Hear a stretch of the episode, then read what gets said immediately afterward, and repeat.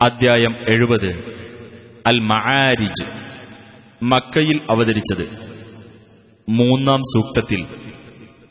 മഹാരിജിനെ അഥവാ കയറിപ്പോകുന്ന വഴികളെ സംബന്ധിച്ച് പരാമർശിച്ചിട്ടുള്ളതാണ് ഈ പേരിന് നിദാനം.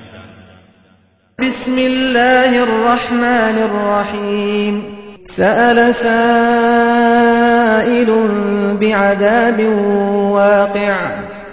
സംഭവിക്കാനിരിക്കുന്ന ഒരു ശിക്ഷയെ ഒരു ചോദ്യകർത്താവ് അതാ ആവശ്യപ്പെട്ടിരിക്കുന്നു للكافرين ليس له دافع സത്യനിഷേധികൾക്ക് അത് തടുക്കുവാൻ ആരുമില്ല من الله ذي المعارج കയറിപ്പോകുന്ന വഴികളുടെ അധിപനായ അള്ളാഹുവിങ്കിൽ നിന്ന് വരുന്ന ശിക്ഷയെ تعرج الملائكة والروح إليه في يوم كان مقداره خمسين ألف سنة അമ്പതിനായിരം കൊല്ലത്തെ അളവുള്ളതായ ഒരു ദിവസത്തിൽ മലക്കുകളും ആത്മാവും അവങ്കിലേക്ക് കയറിപ്പോകുന്നു فاصبر صبرا جميلا എന്നാൽ നബിയെ നീ ഭംഗിയായ ക്ഷമ കൈകൊള്ളുക إنهم يرونه بعيدا തീർച്ചയായും അവർ അതിനെ വിദൂരമായി കാണുന്നു. നാം അതിനെ അടുത്തതായും കാണുന്നു.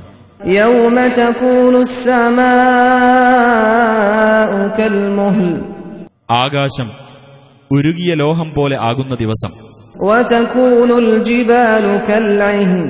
പർവതങ്ങൾ കടഞ്ഞ രോമം പോലെയാവുകയും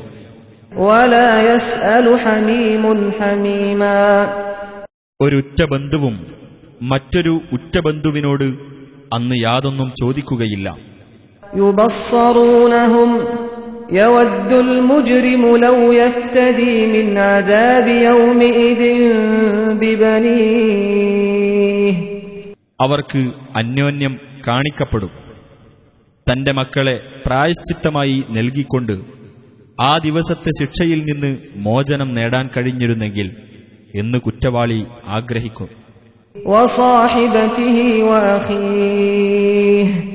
തന്റെ ഭാര്യയെയും സഹോദരനെയും.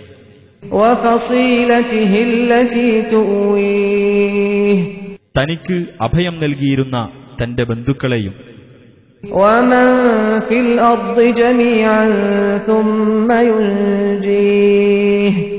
ഭൂമിയിലുള്ള മുഴുവൻ ആളുകളെയും. എന്നിട്ട് അതവനെ രക്ഷപ്പെടുത്തുകയും ചെയ്തിരുന്നെങ്കിൽ എന്ന്.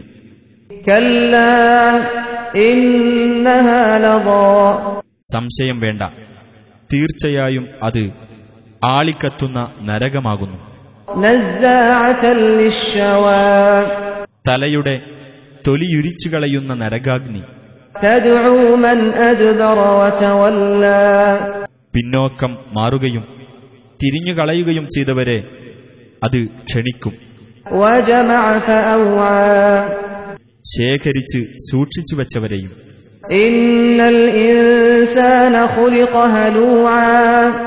തീർച്ചയായും മനുഷ്യൻ സൃഷ്ടിക്കപ്പെട്ടിരിക്കുന്നത് അങ്ങേയറ്റം അക്ഷമനായിക്കൊണ്ടാണ്. അതായത് തിന്മ ബാധിച്ചാൽ പൊറുതികേട് കാണിക്കുന്നവനായിക്കൊണ്ടും. നന്മ കൈവന്നാൽ തടഞ്ഞുവെക്കുന്നവനായിക്കൊണ്ടു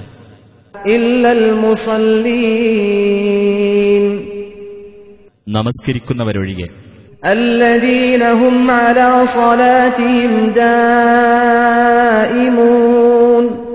അതായത് തങ്ങളുടെ നമസ്കാരത്തിൽ സ്ഥിരമായി നിഷ്ഠയുള്ളവർ.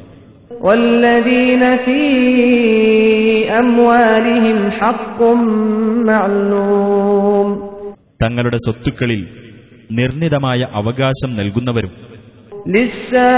للسائل والمحروم ചോദിച്ചു വരുന്നവനും ഉപജീവനം തടയപ്പെട്ടവനും والذين يصدقون بيوم الدين പ്രതിഫല ദിനത്തിൽ വിശ്വസിക്കുന്നവരും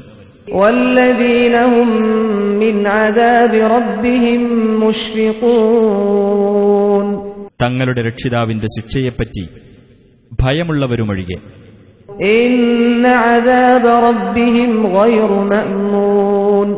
തീർച്ചയായും അവരുടെ രക്ഷിതാവിന്റെ ശിക്ഷ വരികയില്ലെന്ന് സമാധാനപ്പെടാൻ പറ്റാത്തതാകുന്നു.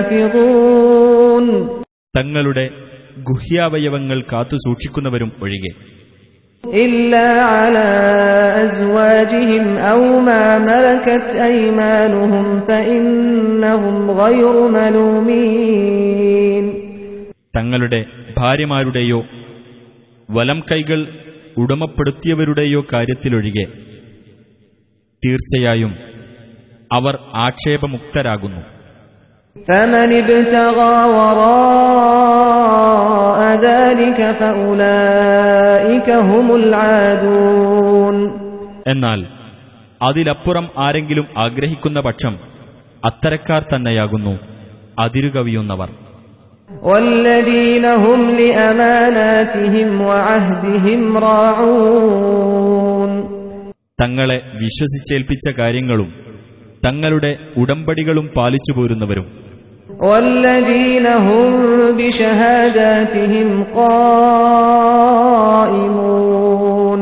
തങ്ങളുടെ സാക്ഷ്യങ്ങൾ മുറപ്രകാരം നിർവഹിക്കുന്നവരും.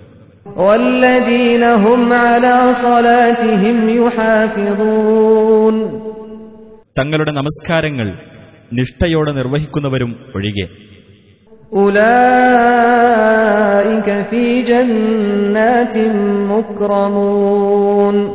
അത്തരക്കാർ സ്വർഗത്തോപ്പുകളിൽ ആദരിക്കപ്പെടുന്നവരാകുന്നു فما للذين كفروا قبلك مهطعين عن اليمين وعن الشمال عزين അപ്പോൾ സത്യനിഷേധികൾക്കെന്തുപറ്റി അവർ നിന്റെ നേരെ കഴുത്തുനീട്ടി വന്നിട്ട് വലത്തോട്ടും ഇടത്തോട്ടും കൂട്ടങ്ങളായി ചിതറിപ്പോകുന്നു.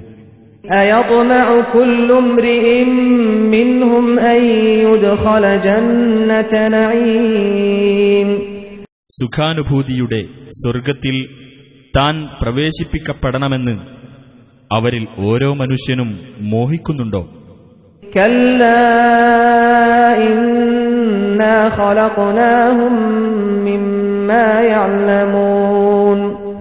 അത് വേണ്ട.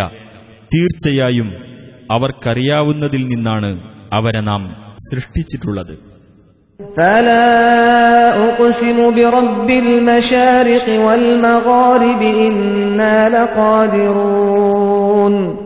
എന്നാൽ ഉദയസ്ഥാനങ്ങളുടെയും അസ്തമയസ്ഥാനങ്ങളുടെയും രക്ഷിതാവിന്റെ പേരിൽ ഞാൻ സത്യം ചെയ്തു പറയുന്നു. തീർച്ചയായും നാം കഴിവുള്ളവനാണെന്ന് على أن نبدل خيرا منهم وما نحن بمسبوقين അവരെക്കാൾ നല്ലവരെ പകരം കൊണ്ടുവരാൻ നാം തോൽപ്പിക്കപ്പെടുന്നവനല്ല താനും فذرهم يخوضوا ويلعبوا حتى يلاقوا يومهم الذي يوعدون ആകയാൽ അവർക്ക് താക്കീത് നൽകപ്പെടുന്ന അവരുടെ ആ ദിവസത്തെ അവർ കണ്ടുമുട്ടുന്നതുവരെ അവർ തോന്നിവാസത്തിൽ മുഴുകുകയും കളിച്ചുകൊണ്ടിരിക്കുകയും ചെയ്യാൻ നീ അവരെ വിട്ടേക്കുക يوم يخرجون من الأجداث سراعا كأنهم إلى نصب يوفضون അതായത് അവർ ഒരു നാട്ടക്കുറിയുടെ നേരെ ധൃതിപ്പെട്ടു പോകുന്നതുപോലെ കബറുകളിൽ നിന്ന് പുറപ്പെട്ടു പോകുന്ന ദിവസം.